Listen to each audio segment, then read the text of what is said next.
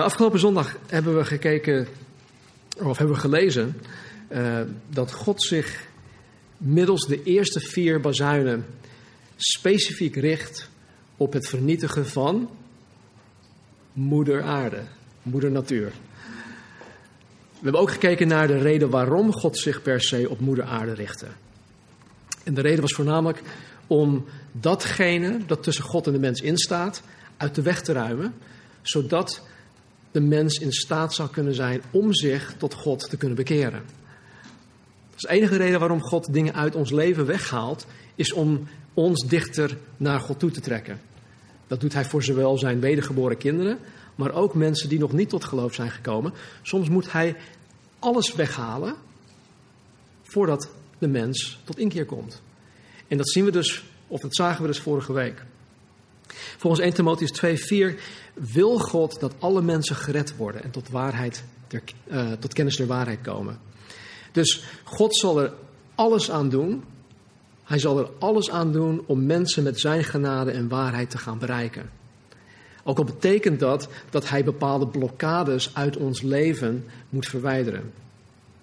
Nou, ik heb al vaker gezegd dat het oordeel dat God tijdens de grote verdrukking uitstort, bedoeld is om de weerbarstige mensen uh, naar Jezus Christus toe te trekken. Ja, het heeft uh, een, een, een kant van oordeel, en dat is ook absoluut waar, en dat zien we dus ook. Maar het, de hartsgesteldheid van God is om het oordeel uit te storten, zodat mensen tot inkeer komen, zodat mensen tot geloof in Jezus Christus komen, waardoor zij gered kunnen worden. Vanmorgen zullen we opnieuw Gods genade gaan zien in zijn oordeel. En nogmaals, zijn oordeel is voornamelijk bedoeld om mensen tot inkeer te laten komen. Nou, um, als het goed is, zijn wij nu hier. Ja. Afgelopen zondag hebben wij openbaring 8 afgemaakt. We bevinden ons vanmorgen bij het begin van hoofdstuk 9. En um, hoofdstuk 8 en 9 volgen de chronologie. dus alles wat in 8 en 9 uh, gebeurt, wat we zien gebeuren, dat volgt de chronologie. Dat is gewoon de, tijd, uh, in de, de tijdslijn. Vanmorgen gaan we in openbaring 9 de vijfde en zesde bazuin behandelen. En dan komen we aanstaande zondag uit op openbaring 10. En uh, openbaring 10 is weer een, een parenthetisch stuk. En een parenthetisch stuk, wat ik daarmee bedoel, is dat wij uh, vanaf hoofdstuk 10 tot en met halverwege ongeveer hoofdstuk 11 gaan inzoomen op specifieke gebeurtenissen die tijdens dit hele gebeuren ook gewoon aan de gang zijn. Het is, het is net alsof je een, een, een film ziet of een, of een serie bekijkt en uh, je ziet een bepaalde scène. En dan ineens um, krijg je weer een andere scène waarin je echt inzoomt op, op de details, op de specifieke dingen. Um, nou, even een gevoel te krijgen van waar wij ons in de grote verdrukking bevinden. Uh, nog even deze slide. Het linker kolom geeft aan dat wij alle zeven zegels inmiddels behandeld hebben. Het middelste kolom geeft aan dat wij de eerste vier bazuinen reeds behandeld hebben. En wat ik zo net zei, gaan wij vanmorgen de vijfde en zesde bazuin behandelen. Nou, de zevende bazuin zullen wij pas gaan behandelen na het parenthetisch stuk van hoofdstuk 10 en 11. En, listen, luister, dan zitten wij al op de helft. Ja, zo. Het is niet zo snel gegaan als ik uh, gehoopt had, maar we zitten redelijk op, uh, op schema. Laten we onze Bijbels openslaan op Openbaring 9 en dan vanaf vers 1. En de vijfde engel blies op de bazuin, en ik zag een ster uit de hemel op de aarde gevallen. En hem werd de sleutel van de put van de afgrond gegeven. En hij opende de put van de afgrond, en er steeg rook op uit de put als rook van een grote oven. En de zon en de lucht werden verduisterd door de rook van de put. En uit de rook kwamen sprinkhanen op de aarde. En hun werd macht gegeven zoals de schorpioenen van de aarde macht hebben. En tegen hen werd gezegd dat ze geen schade mochten toebrengen aan het gras van de aarde, of welke groene plant, of welke boom dan ook, maar alleen aan de mensen die het zegel van God niet op hun voorhoofd hadden. En hun werd macht gegeven, niet om hen te doden, maar om hen te pijnigen, vijf maanden lang. Hun pijniging was als de pijniging door een schorpioen, wanneer hij een mens steekt. En in, die en in die dagen zullen de mensen de dood zoeken, maar die niet vinden. En ze zullen ernaar verlangen te sterven, maar de dood zal van hen wegvluchten. En de sprinkhanen zagen eruit als paarden die voor de oorlog gereed gemaakt zijn. En op hun koppen droegen zij kransen als van goud. En hun gezichten leken op gezichten van mensen. En ze hadden haar als haar van vrouwen en hun tanden waren als tanden van leeuwen. En ze hadden borstharnassen van ijzer. En het geluid van hun vleugels was als het geluid van wagens met veel paarden die ten strijde snellen. En ze hadden staarten die leken op schorpioenen en er zaten angels aan hun staarten. En ze hadden de macht om de mensen schade toe te brengen, schade toe te brengen vijf maanden lang. En zij hadden een koning over zich, de engel van de afgrond. Zijn naam is in het Hebreeuws Abaddon en in het Grieks heeft hij de naam Apollyon. Het ene wee is voorbij gegaan, zie, nog twee weeën komen hierna. En de zesde engel blies op de bazuin en ik hoorde uit de vier horens van het gouden altaar dat voor God stond één stem komen. Die zei tegen de zesde engel die de bezuin had: Maak de vier engelen los die gebonden zijn bij de grote rivier, de Eufraat. En de vier engelen werden losgemaakt. Ze, werden, ze waren, zij waren in gereedheid gehouden tegen het uur en de dag en de maand en het jaar dat zij het derde deel van de mensen zouden doden. En het aantal bereden troepen bedroeg tweemaal tienduizend, maal tienduizend. En ik hoorde hun aantal. En in dit visioen zag ik de paarden en hen die erop zaten al dus. Ze hadden vuurrode en rookkleurige en zwavelkleurige borstharnassen. En de hoofden van de paarden waren als leeuwenkoppen. En uit hun mond kwam vuur, rook en zwavel. Door deze drie werd het derde deel van de mensen gedood. Door het vuur, de rook en de zwavel die uit hun mond kwam. Want hun macht ligt in hun mond en in hun staart. Hun staarten zijn als slangen met koppen eraan. En daarmee brengen ze schade toe. En de overige mensen die niet door deze plagen werd gedood, bekeerden zich niet van de werken van hun handen. Ze bleven de demonen aanbidden en de gouden, zilveren, koperen, stenen, houten afgoden die niet kunnen zien, horen of lopen. Ook, ook bekeerden zij zich niet van hun moorden, hun tovenarij, hun ontucht en het plegen van diefstal. Tot zover. Vers 1. En de vijfde engel blies op de bazuin. En ik zag een ster uit de hemel op de aarde gevallen. En hem werd de sleutel van de put van de afgrond gegeven. Nou, tot nu toe hebben wij uh, in hoofdstuk 6 sterren uit de hemel zien vallen, wat hoogstwaarschijnlijk, hoogst, hoogstwaarschijnlijk meteorieten of asteroïden zijn. Ook in hoofdstuk 8 zagen wij een ster uit de hemel op de aarde vallen dat het drinkwater trof. En nu in, in hoofdstuk 9 is er wederom sprake van een ster. Alleen is dit geen meteoriet of een asteroïde. Want hier in vers 1 en ook in vers 2 wordt deze ster met het persoonlijk naamwoord uh, hem en hij aangeduid. We hebben het hier dus over een persoon. Iemand met een persoonlijkheid. We hebben het eigenlijk over een engel. Over engelen gesproken staat er in Job 38:7 dat tijdens de schepping van de aarde de morgensterren, dat wil zeggen de engelen, samen vrolijk zongen. Bij, bij de schepping van de aarde zongen de engelen vrolijk samen. Engelen worden in de Bijbel dus ook als sterren aangeduid. Nou, er is één specifieke ster, oftewel een engel, die uit de hemel is gevallen. En de profeet Jesaja spreekt heel specifiek over deze gebeurtenis. In Jesaja 14, vers 12 tot met 14 staat dit. Hoe bent u uit de hemel gevallen, morgenster, zoon van de dageraad? U licht geveld op de aarde, overwinnaar over de heidevolken. En u zei in uw hart, ik zal opstijgen naar de hemel. Tot boven Gods sterren zal ik mijn troon verheffen. Ik zal zetelen op de berg van de ontmoeting aan de noordzijde. Ik zal opstijgen boven de wolkenhoogten. Ik zal mij gelijkstellen met de Allerhoogste. In dit gedeelte en ook nog in uh, Ezekiel hoofdstuk 28 spreekt de Bijbel over de gevallen engel Satan. In Lucas hoofdstuk 10, vers 18 sprak Jezus met zijn discipelen.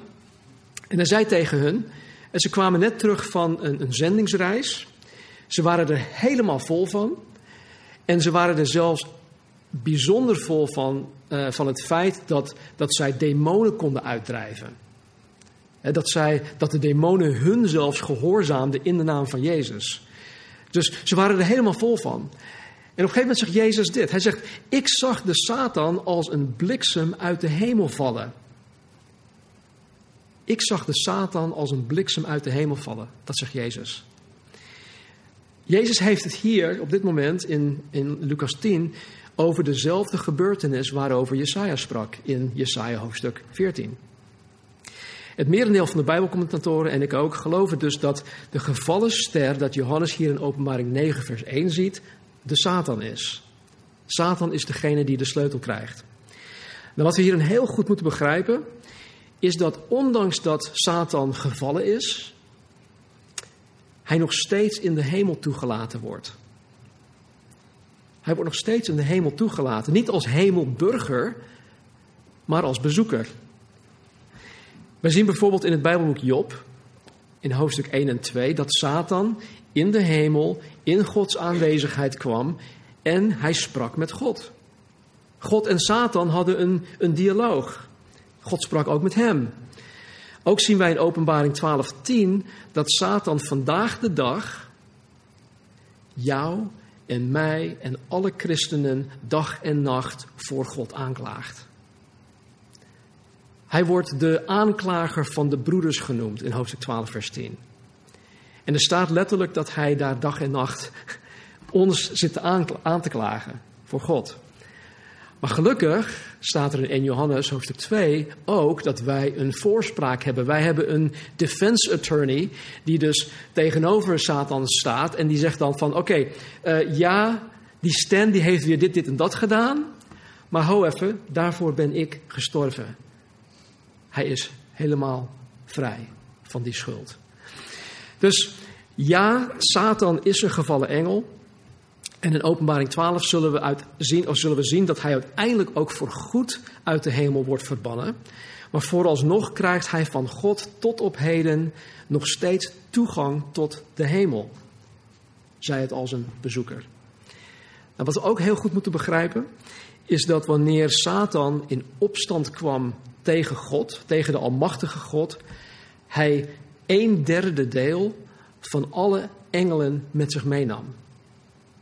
Nou, een derde deel, dat is een derde deel van iets. We weten niet hoeveel engelen er überhaupt door God geschapen werden. Dus het is, het is een ontelbaar aantal. We weten het niet, maar het zijn wel heel veel.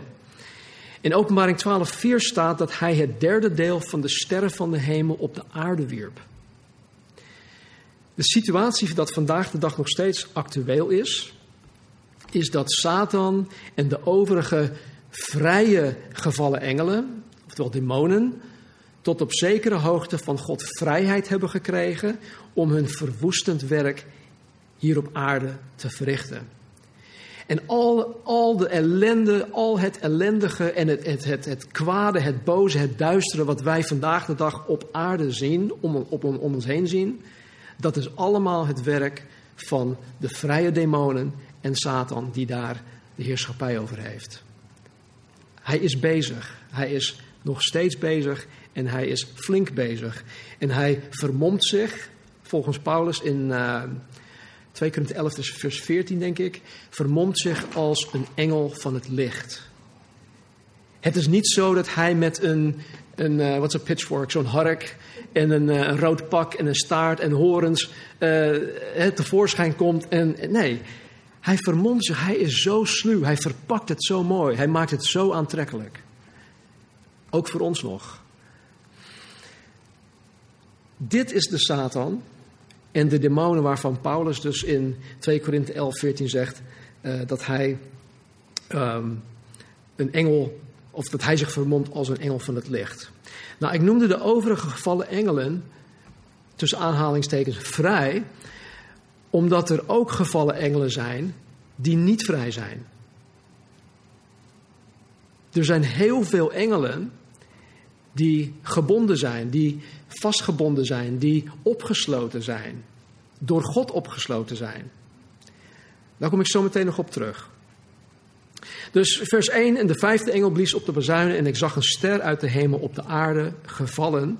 En hem werd de sleutel van de put van de afgrond gegeven. Nou, op eerste gezicht lijkt het feit dat de ster uit de hemel op de aarde gevallen is niet zo bijzonder, toch? Althans niet voor mij. Maar de verwoording in de Nederlandse taal is niet helemaal duidelijk. Ook in de Engelse taal is dat niet echt duidelijk. De werkwoordsvorm van gevallen is in het voltooid tegenwoordige tijd. En dat betekent simpelweg dat Johannes de ster op dat moment niet ziet vallen, maar dat hij een reeds gevallen ster ziet.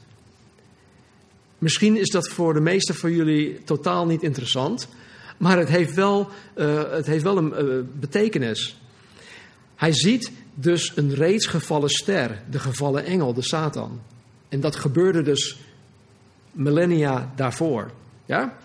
Nou, aan deze Satan, aan deze gevallen ster, werd de sleutel van de put van de afgrond gegeven.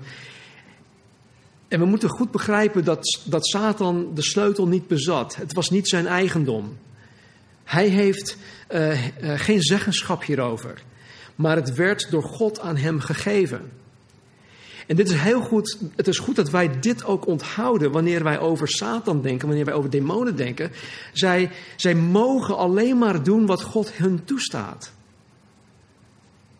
Het is niet zo dat, dat, dat Satan of dat, dat, dat demonen hun vrije gang hebben met ons en, en, en dat God zegt, oh jongens, wat, wat is hier gaande? Nee, God weet heel goed wat hij toelaat en wat hij niet toelaat. De put van de afgrond wordt in sommige Engelse Bijbels genoemd als um, uh, the, the shaft of the bottomless pit. De afgrond wordt sowieso in de Engelse Bijbels genoemd the bottomless pit. Dat vind ik veel mooier. En de afgrond, ja, dat is afgrond dan weer. Ja, goed, afgrond, uh, bottomless pit. Blijkbaar is dat in de Engelse en Nederlandse taal hetzelfde. Maar als je dat letterlijk vertaalt, is dat dan de schacht van de bodemloze kuil. ja, ik weet niet of dat, dat iets meer voor jullie betekent, voor mij wel. Maar door middel van de put of deze schacht krijgt men toegang tot de afgrond. En je moet het zien als een, een, een mijn bijvoorbeeld. Je hebt, je, hebt, je kolenmijnen, je hebt diamantmijnen, waar, waar je een schacht hebt die gewoon duizenden meters de grond in gaat om toegang te krijgen tot de mijn. En dit is precies hetzelfde. De put of de schacht van de afgrond is een, een schacht, het is een opening en het geeft toegang tot deze plek, de afgrond. Het Grieks woord voor afgrond is abousos of abusas. Nou, Satan krijgt van God dus de sleutel om de put van de abussos, de afgrond, te openen. En we zullen zo meteen lezen dat het gevolg van het openen van deze put vele malen erger is dan wat het eventuele gevolg zou kunnen zijn als men alle gevangenissen hier op aarde gewoon opent en alle gedetineerden vrij uitlaat. Ik weet niet of jullie ooit iets op tv hebben gezien van uh, de Supermax gevangenissen in de States. Of de, weet je, die, echt die, die, die, waar, die, waar die zware criminelen in zitten voor uh, levenslang. Um, nou, Alcatraz is nog, is, is, is nog een, ja, een soort van peuterspeelzaal vergeleken bij deze uh, andere gevangenissen. Die gasten wil je echt niet in je buurt hebben rondlopen. En het, het, het vrijlaten van deze demonen is nog vele malen erger dan dat je de, de zwaarste criminelen gewoon hier op aarde rond hebt lopen. Nou, de vraag die ik dan heb is: wat is deze afgrond, deze abussos, deze bodemloze kuil? ga even terug naar de evangeliën. Weten jullie nog, toen Jezus met zijn discipelen in, rondom Galilea was, en hij ging naar de overkant. Hij gaat altijd naar de overkant wanneer hij op het meer van Galilea is. Maar hij ging naar de overkant en hij kwam in, in het land van de Gadarenen terecht. En daar trof hij iemand aan die bezeten was, die, uh, die vastgeketend werd, maar die, door, die die ketenen losbrak. En deze werd bezeten, of hij was bezeten, door meerdere demonen. Ik zal het voorlezen, Lucas 8, vers 28. Toen deze bezeten man Jezus zag, viel hij schreeuwend voor Jezus neer en zei met luide stem: Wat heb ik met u te maken, Jezus, zoon van God de Allerhoogste? Ik bid u dat u mij niet pijnigt. Want Jezus had de onreine geest bevolen van de man uit te gaan. Die had hem namelijk vele malen aangegrepen en men had hem met ketenen en met boeien gebonden om hem in bewaring te houden. Maar hij verbrak de boeien en werd door de demon naar de woeste plaatsen gedreven. Jezus vroeg hem, wat is uw naam? Hij zei legio, want er waren veel demonen in hem gegaan. En ze smeekten Jezus dat hij hun niet zou bevelen in de afgrond te gaan. Zie je het voor je? Je hebt hier een bezeten man die bezeten is met meerdere demonen. Het legio heet hij. En ze smeken Jezus, Heer, alsjeblieft, laat ons niet in de Abusos gaan. Stuur ons niet naar de Abusos toe. Stuur ons liever in die, in, in die, eh, die zwijnen daar. Dus de afgrond waar deze demonen absoluut niet door Jezus naartoe gestuurd wilden worden, was deze Abusos. Dezelfde afgrond dat hier in Openbaring 9 genoemd wordt. Nog iets. In het Bijbelboek Judas. Het is een brief van Judas. Het is maar één hoofdstuk lang. Dus in, in Judas 1:6 schrijft Judas over engelen die door God in bewaring werden gesteld. Ik zal het voorlezen, dit is uit de Willybord vertaling. Ook de engelen die hun waardigheid niet bewaard hebben en hun hemels verblijf verlieten, houdt God met onverbrekelijke boeien gevangen in het duister van de onderwereld, in afwachting van het oordeel op de grote dag. Dus de engelen die hun waardigheid niet hebben bewaard, die hun hemels verblijf hebben verlaten, die houdt God in het duister van de onderwereld geboeid en gevangen. In afwachting van het oordeel op de grote dag. Uiteindelijk zullen zij door God geoordeeld worden, samen met Satan, samen met alle weerbarstige, ongelovige mensen die niks met God te maken willen hebben. En op dat moment zullen ze voor eeuwig in het poel des vuurs geplaatst worden. Maar voor nu zitten ze in, in deze plek wat het duister van de onderwereld noemt. Petrus heeft het hier ook over. Hij zegt in 2 Petrus 2:4. God heeft ook engelen die zondigden niet gespaard, maar hen laten opsluiten en vastketenen in het duister van de onderwereld, waar ze op hun vonnis moeten wachten. Het duister van de onderwereld waarin deze engelen vastzitten is blijkbaar hetzelfde als de afgrond, de bodemloze kuil, de abyssos. Het is duidelijk, althans het is mij duidelijk, dat de Satan zelf niet opgesloten is. Want hij krijgt vandaag de dag, tot op vandaag de dag nog steeds toegang tot de hemel. Het is ook duidelijk dat er andere demonen zijn die niet opgesloten zijn.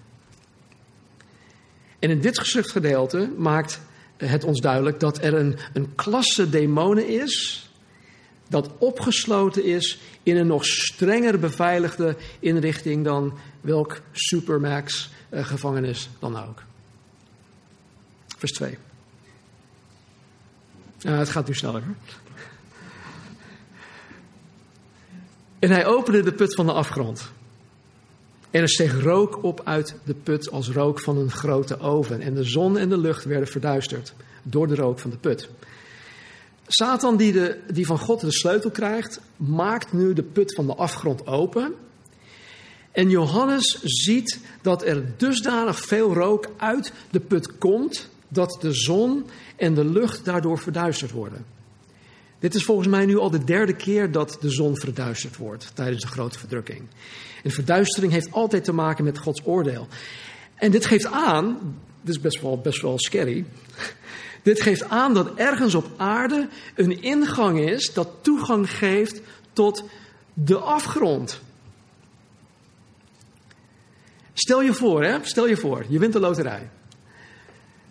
Je hebt heel veel geld en je koopt ergens op deze aardbol een stuk grond waar je je droomhuis laat bouwen.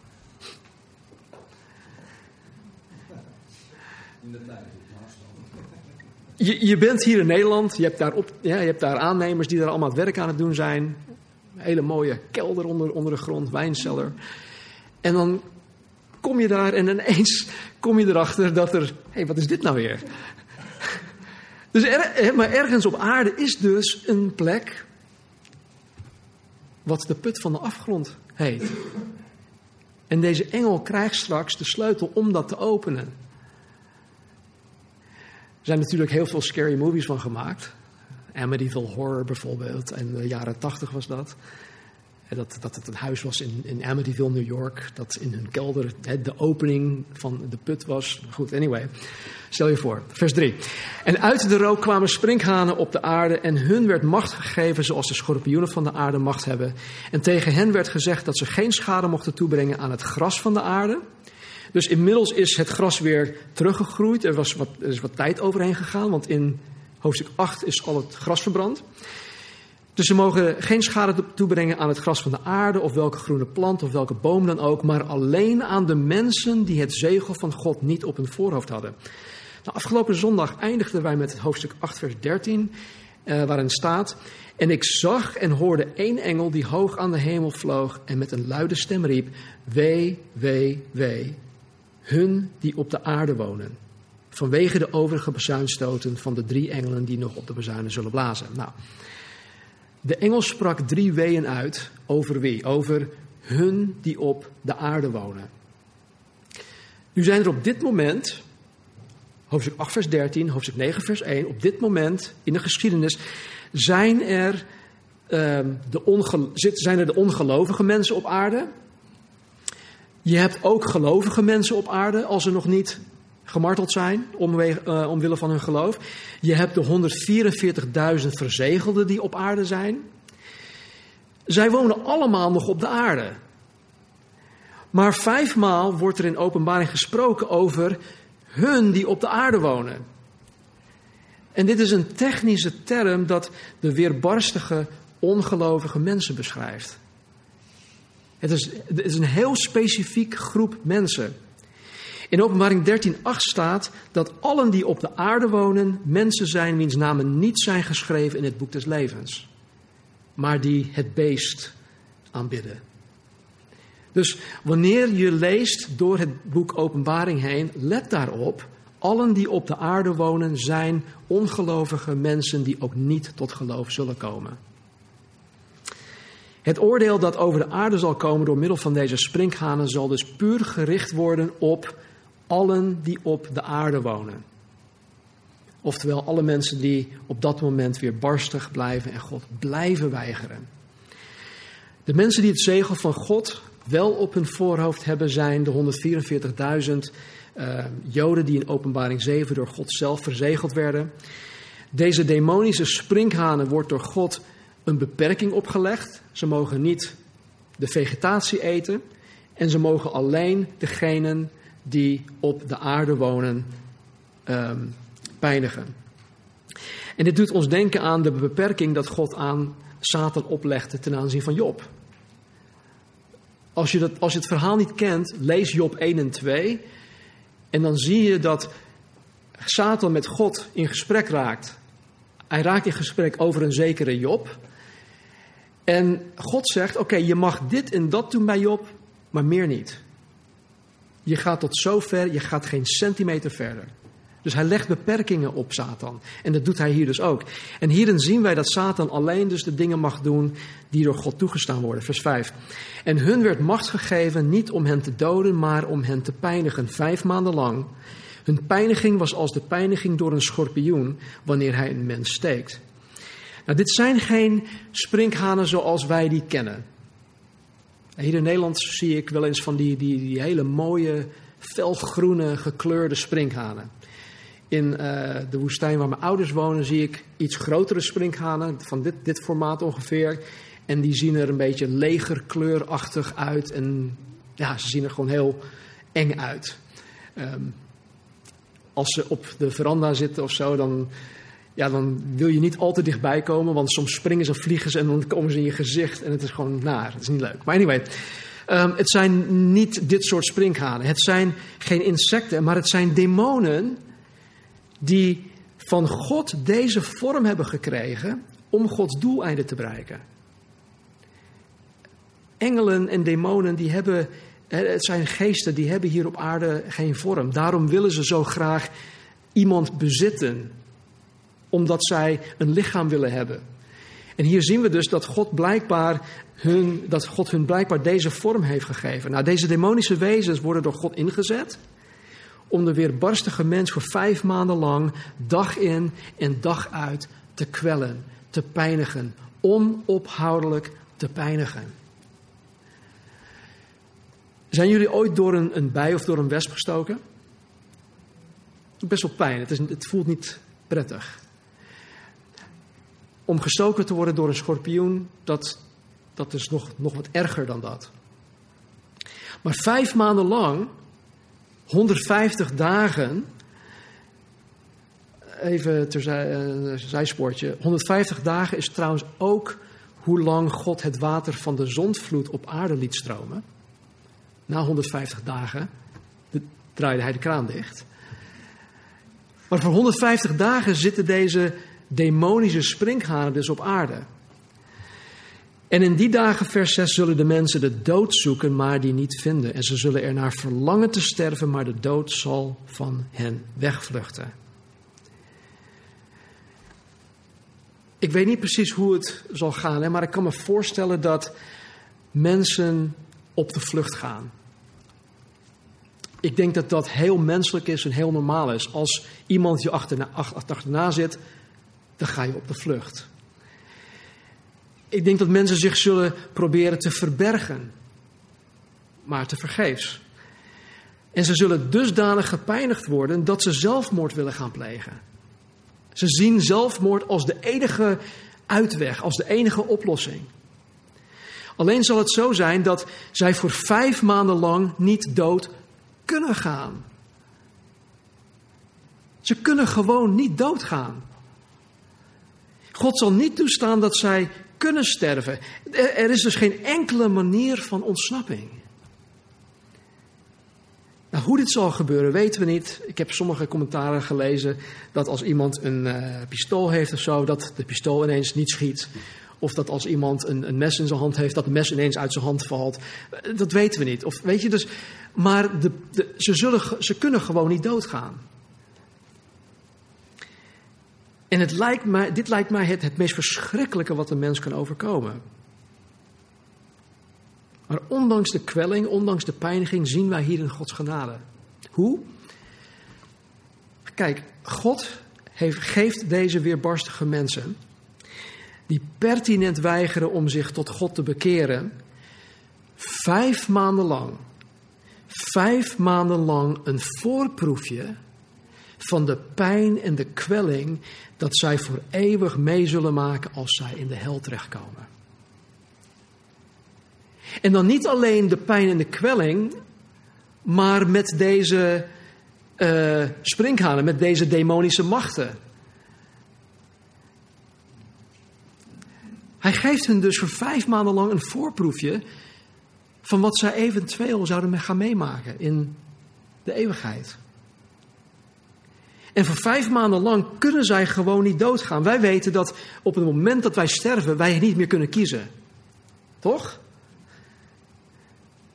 De, het, enige, of ja, het enige moment waarin wij nog kunnen kiezen is wanneer wij leven. Wanneer er adem in ons lichaam is. Op het moment van overlijden kunnen wij niet meer kiezen. Dan is het einde verhaal. Dus voor vijf maanden lang kunnen deze mensen niet doodgaan. God geeft hun dus nogmaals de gelegenheid om zich tijdens het oordeel tot God te bekeren. Ik weet niet hoe jullie dit zien, maar ik zie dit echt als Gods genade. Dat God zo genadig is dat Hij hun nog de gelegenheid geeft om tot inkeer te komen, om tot bekering te komen. Vers 7.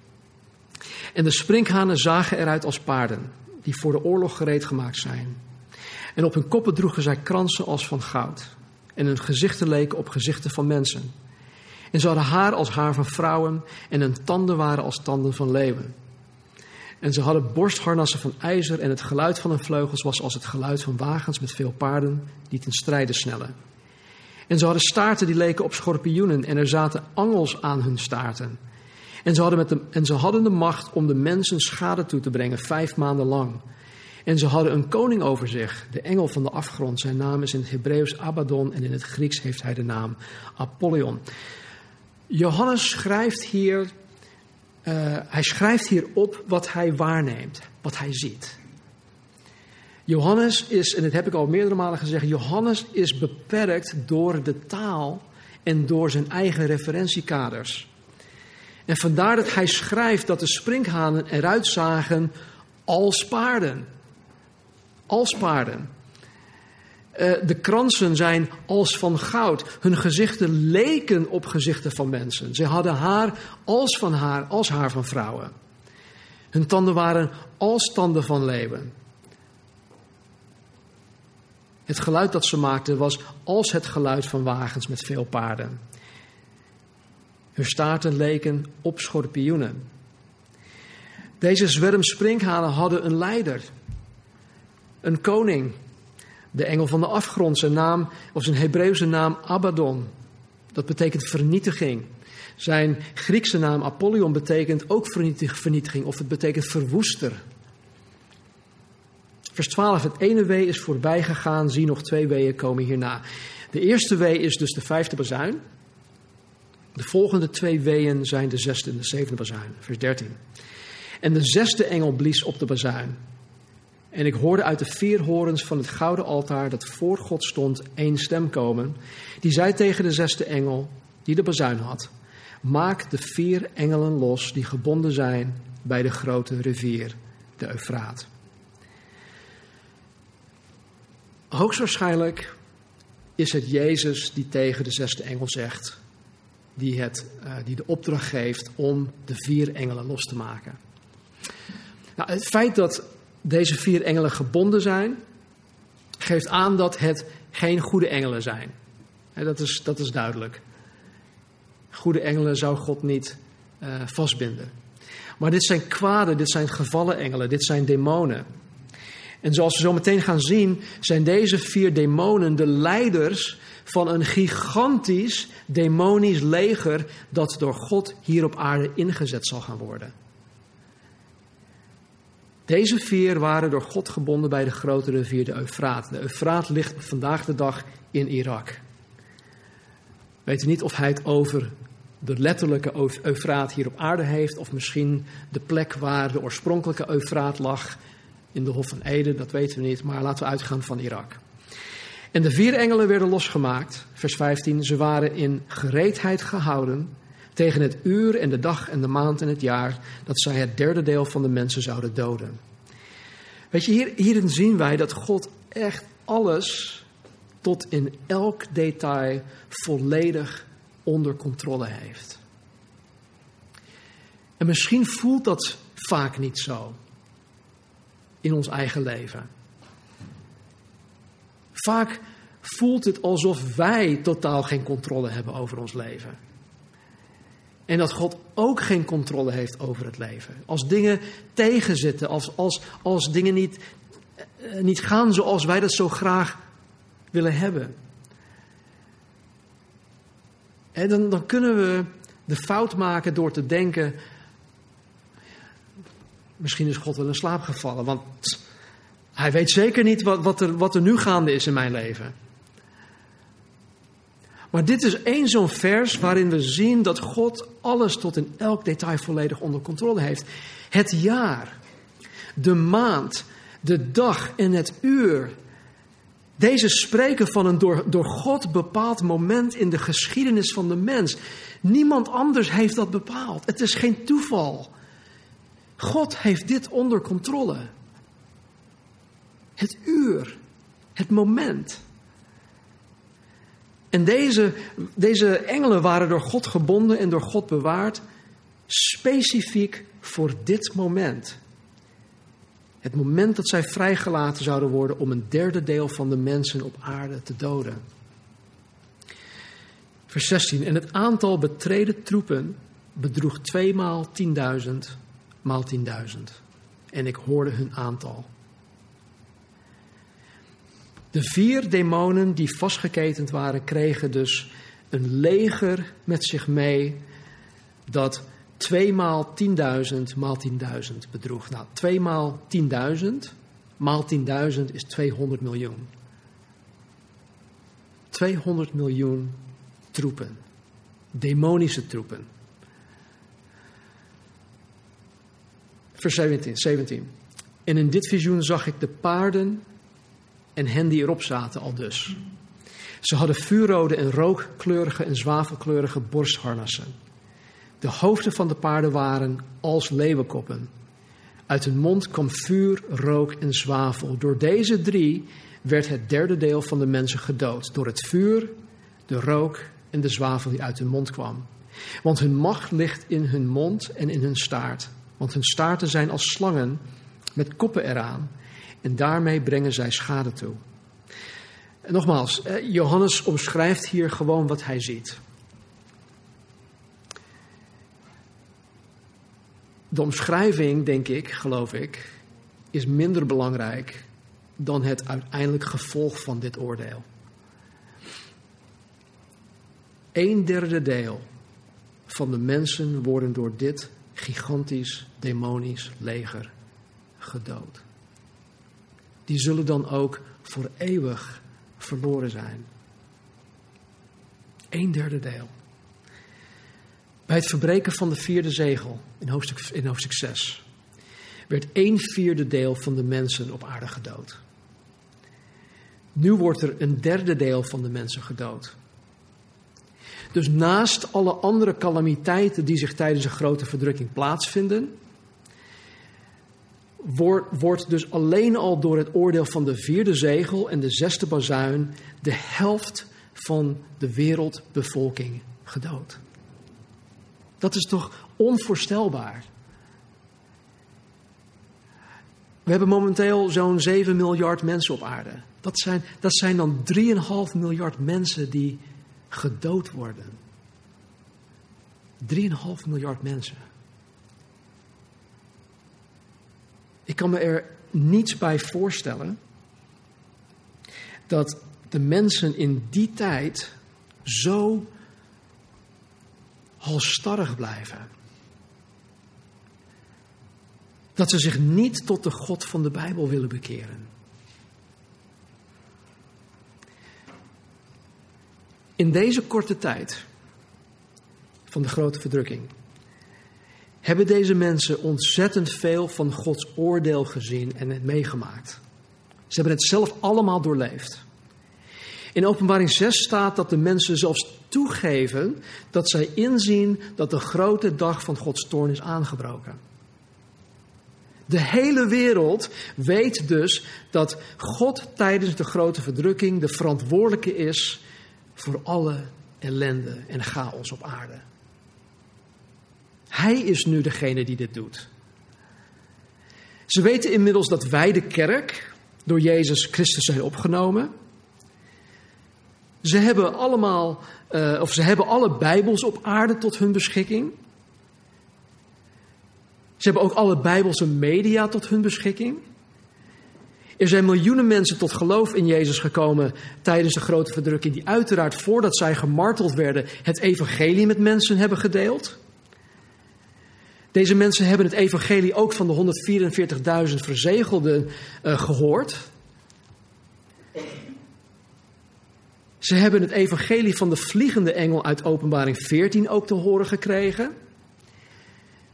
Ze hebben voor vijf maanden lang een voorproefje van de hel gekregen.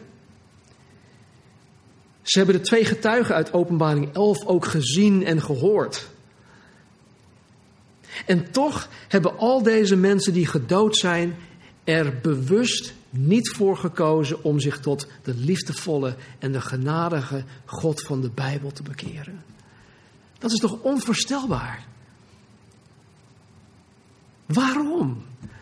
Waarom zou een mens dat niet doen? Ik stel me de vraag vandaag de dag ook, hè, want er zijn zoveel mensen die vandaag de dag dus niet onder deze omstandigheden, maar gewoon onder de levensomstandigheden zich gewoon niet tot God willen bekeren. Kijk, aan de ene kant kan ik er absoluut niet bij dat iemand zo ontzettend koppig kan zijn.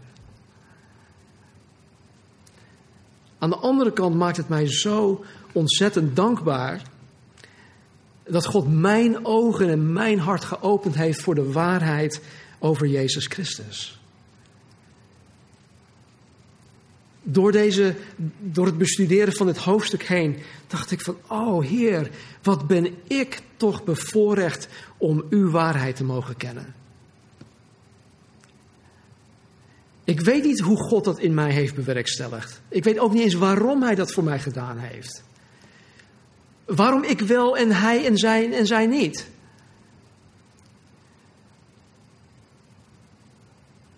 Als jij vanmorgen in Jezus Christus gelooft, dan is dat ver boven alles uit de grootste zegen in jouw leven. Als jij vanmorgen in Jezus Christus gelooft, is dat ver boven alles uit de grootste zegen in jouw leven. Laat dat heel goed tot je doordringen. En leef daar vervolgens ook naar.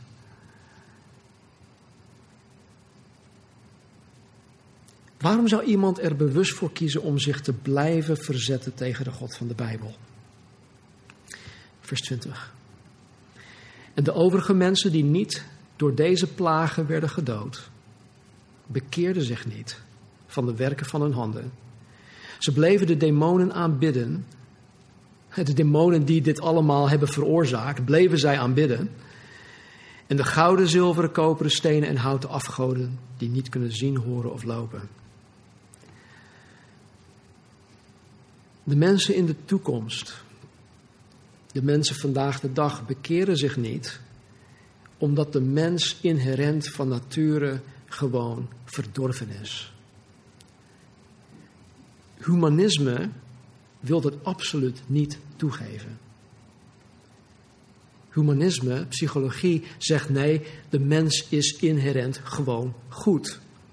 Het is door opvoeding, het is door omstandigheden, het is door het milieu dat de mens kwaad is geworden.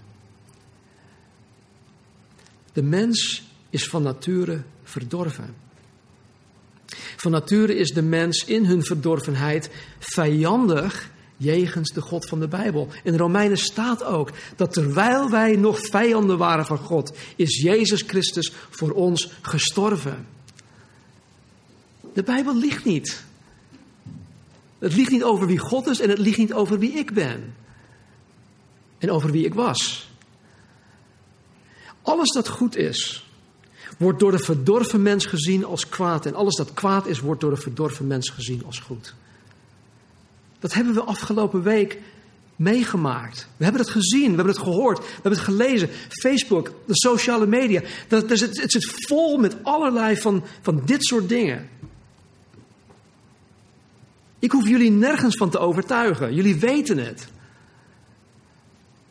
En het is alleen wanneer men tot de wedergeboorte komt dat mens een zuivere kijk op zaken krijgt. Het is alleen door de wedergeboorte dat wij een, een, een bijbels wereldbeeld krijgen. En dat we duidelijkheid krijgen, dat we echt kunnen zien, dingen kunnen zien zoals ze daadwerkelijk zijn. En alleen door de wedergeboorte krijgt de mens een liefdevolle relatie met God, waardoor men geen afgoden meer wil gaan dienen. Weet je, wanneer je tot geloof komt, wanneer je God gaat leren kennen, wanneer je uh, zijn uh, wegen en wetten, wat we vanmorgen ook gezongen hebben, wanneer we dat gaan omarmen, I will delight in the law of the Lord, I will meditate day and night. Wanneer dat een realiteit wordt in je leven, is het geen kwestie meer van ik mag dit niet, of ik moet dat. Nee, het is een kwestie van, oh Heer, ik wil dit niet meer. Heer, ik wil dat zo graag.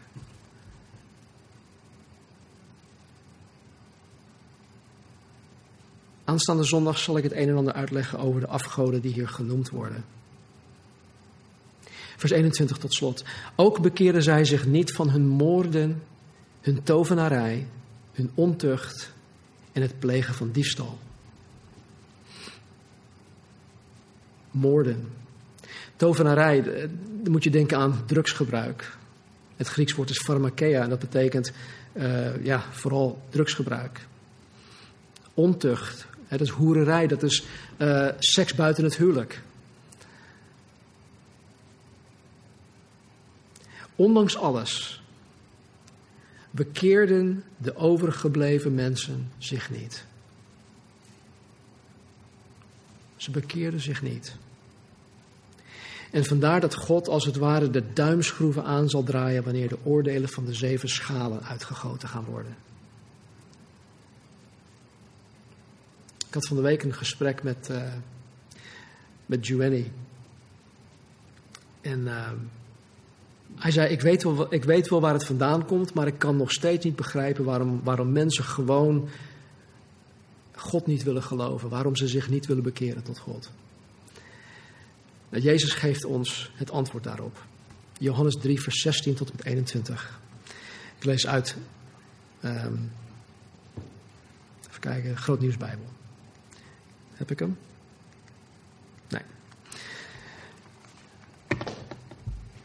Want God had de wereld zo lief dat Hij zijn enige zoon gegeven heeft. Opdat iedereen die in Hem gelooft niet verloren gaat, maar eeuwig leven heeft. Want God heeft zijn zoon niet naar de wereld gezonden om de wereld te oordelen, maar om de wereld door Hem te redden. En dat zien, dat zien we nog steeds in Openbaring 9. Wie in Hem gelooft, wordt niet veroordeeld. Wie niet gelooft, is al veroordeeld, omdat hij niet geloofd heeft in Gods enige zoon. Hier valt de beslissing. Het licht is in de wereld gekomen, maar de mensen hadden de duisternis meer lief dan het licht, want hun daden waren slecht. Iemand die het kwade doet, haat het licht en gaat het licht uit de weg. Hij is bang dat zijn daden ontdekt worden. Een oprecht mens zoekt het licht op. Dan blijkt dat hij gehandeld heeft in verbondenheid met God. Laten we bidden.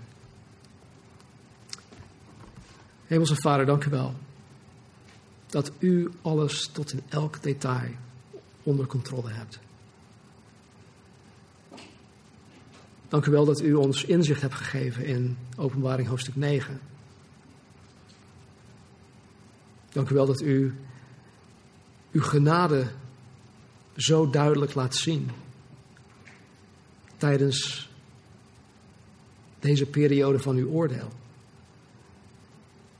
Dank u wel dat u zo genadig bent, Heer. Vijf maanden lang dat u de mensen gelegenheid geeft om zich tot u te bekeren.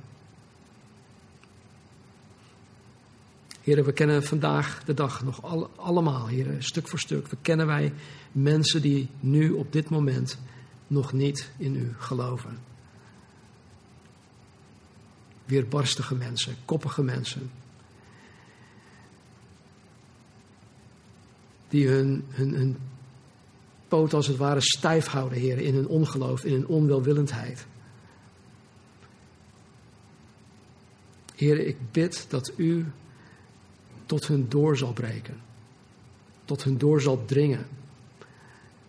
Ik bid, Vader, dat alle ongelovige mensen die vandaag hier vertegenwoordigd zijn. Heren, ook van degenen die hier niet kunnen zijn. Heren, u kent ze allemaal bij naam. Heren, ik bid dat u, God, Vader, dat u hun naar Jezus toe zal trekken. Want niemand kan tot Jezus komen tenzij u, Vader, hen tot Jezus trekt. Wees hen genadig, Heer. Wees er genadig. Help ons om met de wetenschap van wat er, wat er aan zit te komen, wat deze wereld te wachten staat. Help ons met deze wetenschap, heren, elke dag opnieuw in heiligheid, in reinheid, in oprechtheid met u te wandelen. Opdat wij getuigen mogen zijn zuivere getuigen mogen zijn, goede en, en, en, en juiste ambassadeurs mogen zijn van uw koninkrijk. Houd ons kort, Vader.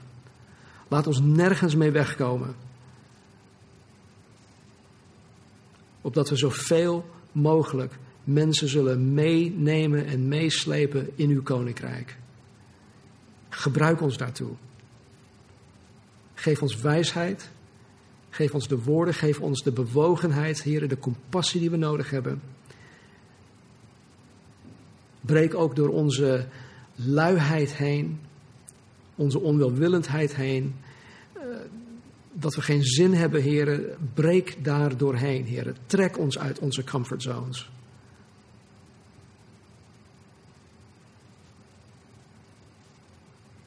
Want heren, het gaat niet om onbenullige dingen.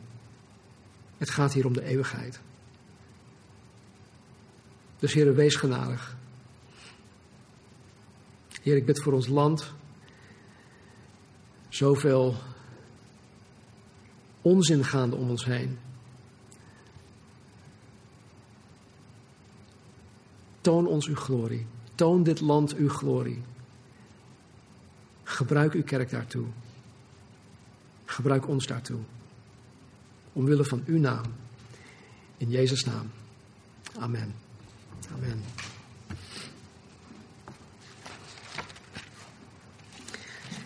Laten we gaan staan.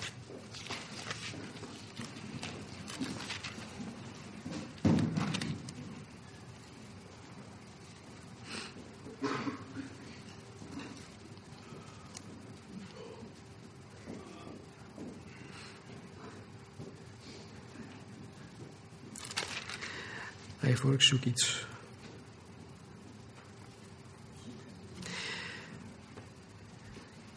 Dit hebben wij, uh, dit staat ons te wachten.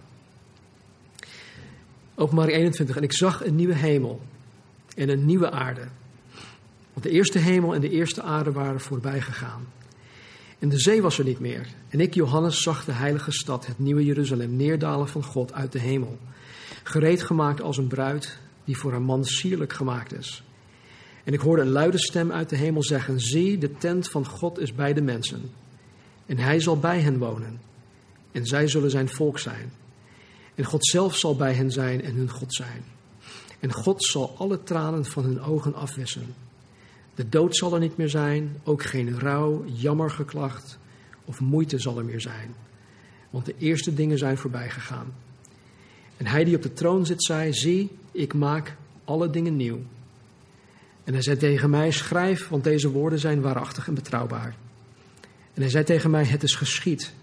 Ik ben de Alpha en de Omega, het begin en het einde. Wie dorst heeft, zal ik voor niets te drinken geven uit de bron van het water des levens. Wie overwint, zal alles beërven. En ik zal voor hem een God zijn en hij zal voor mij een zoon zijn. Maar wat betreft de lafhartigen, ongelovigen, verfoeilijken, moordenaars, ontuchtplegers, tovenaars, afgodendienaars en alle leugenaars, hun deel is in de poel die van vuur en zwavel brandt. Dit is de tweede dood. Wij hebben een geweldige toekomst. Het lijkt zo moeilijk soms om dit met andere mensen te delen. Maar weet je, iemand heeft het ooit met jou gedeeld. En het enige wat, ja, hoe wij hierop het beste kunnen uh, respons op kunnen geven, is door het wederom met anderen te gaan delen. Hoe meer mensen we meekrijgen, hoe, hoe meer, ja, hoe, hoe minder Satan eigenlijk zijn zin krijgt. Dus wees gezegend, word echt doordrongen van het woord van God. Ga de dag in, ga de week in met, het, met de wetenschap dat God ontzettend veel van je houdt, onvoorwaardelijk van je houdt. Vooral ook als we naar elkaar kijken. Dat als ik bijvoorbeeld naar Dennis kijk, waarom zou ik lelijk doen tegen Dennis als God onvoorwaardelijk van Dennis houdt? Snap je? Dus God zegen jullie. Geniet nog van de fellowship hierna. En uh, als er vragen zijn, dan hoor ik het graag. Amen? Amen. Oké.